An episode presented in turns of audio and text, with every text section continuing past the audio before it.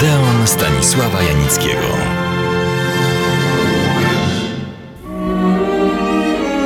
Jest rok 1919. Polska jest znowu wolna i niepodległa. Czy film, filmowcy zareagowali na ten brzemienny w skutki fakt? Okazuje się, że dosyć ślamazarnie. Nadal królowały na naszych ekranach filmy rodem z epok poprzednich. Przede wszystkim pseudopsychologiczne, pseudoerotyczne i pseudosensacyjne. Kuriozalnym, choć nawiązującym bardzo ogólnie do minionej wojny filmem, był kolejny melodramat, tym razem egzotyczny. Program filmowy tak tę opowieść zapowiada. By ratować swą córkę przed staropanieństwem, zamożny obywatel ziemski wyjeżdża wraz z córką do modnego zdrojowiska, by tam rozpocząć polowanie na męża. Pytanie, co to ma wspólnego z wojną? Ano ma, ponieważ po wojnie trudno było o prawdziwego kandydata na męża, bo pozostali tylko kulawi, łysi i niemrawi. A w ogóle to kandydatów na męża było bardzo niewielu. Jedynym poważnym filmem polskim, który nawiązywał do niedawnych lub aktualnych wydarzeń, był film Tamara w podtytule Obrońcy Lwowa. Z notatek prasowych wynika jedynie, że był to dramat rozgrywający się na tle walk z Ukraińcami o Lwów w latach 1918-19.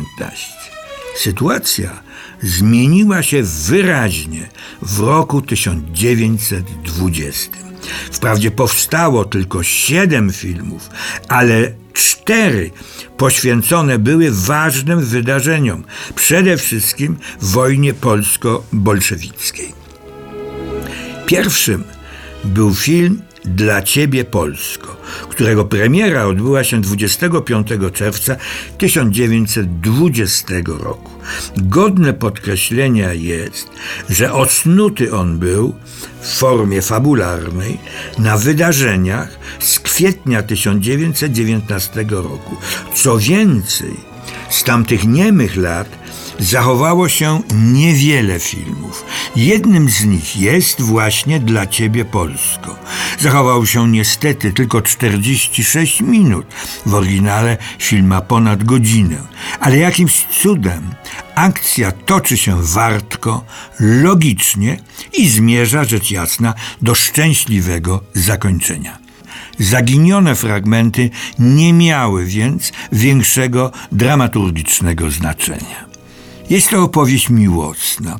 Kochającym się nikt z rodziny czy otoczenia nie bruździ, ale oni nie żyją w spokojnych czasach i to, co ma wpływ na ich życie, to wydarzenia historyczne. W kwietniu 1919 roku z Wilna wycofały się wojska niemieckie. Miasto zajęli bolszewicy. Zachowują się oni okrutnie i to nie w walce, lecz również wobec ludności cywilnej. Miłość Franka i Hanki wystawiona zostaje na ciężką próbę. Franek zostaje powołany do wojska polskiego i wyrusza na front. Hanka zostaje w domu. Na szczęście unika okrucieństw bolszewików. Tymczasem wojska polskie, wzmocnione nowymi tankietkami, małymi francuskimi czołgami, walczą i zdobywają Wilno. Franek za swoją dzielną postawę awansowany zostaje do stopnia sierżanta. Hanka kocha i tęskni za Frankiem. Chce też wziąć udział w walkach. Obcina więc swoje długie włosy, przywdziewa mundur i staje się żołnierzem. Jak to możliwe, nie wiemy, ale może w brakujących częściach filmu jest to wyjaśnione. Na ekranie, szczególnie w tamtych zamierzchłych czasach, nie wszystko musi być klarowne i wyjaśnione. Kochający się Franek i Hanka celowo nie używam określenia kochankowie, bo to wtedy miało zupełnie inne znaczenie, spotykają się zupełnie przypadkowo w czasie nabożeństwa w wileńskiej Ostrej Bramie. Ona w mundurze, upodobniona do mężczyzny, zatopiona jest w modlitwie. Nie zwraca uwagi na stojącego przed nią żołnierza. On też początkowo jej nie poznaje. Ale jak to ładnie sformułowano w napisie, poczuł dziwny popęd serca. I kiedy Hanka podnosi się z klęczek, radośnie padają sobie w objęcia. Teraz już pospiesznie zdążamy do szczęśliwego zakończenia. Mowa jest nie tylko o weselisku, ale już i o chrzcinach. Zanim one nastąpią, nasi bohaterowie wraz z całą wsią zdążają ze śpiewem na ustach do dworu, przed którym wita ich pan tych włości. Radość jest tym większa, że są to pierwsze po czasach niewoli dożynki w niepodległej, odrodzonej Polsce. Nie ta scena kończy jednak film. Dla ciebie Polsko.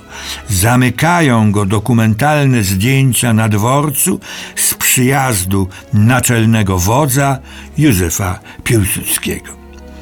Filmów należących do nurtu niepodległościowego powstało na początku lat dwudziestych sporo. I to różnych. Dokumentalnych, fabularnych, jakbyśmy dziś powiedzieli, paradokumentalnych, czyli dokumentalnych inscenizacji. Najcenniejsze są te filmy, których fabuła opierała się na wydarzeniach historycznych i które powstały dopiero w latach 30., w erze filmu dźwiękowego. I dwa, moim zdaniem, najlepsze chciałbym Państwu za tydzień przedstawić. Serdecznie do Odeonu zapraszam.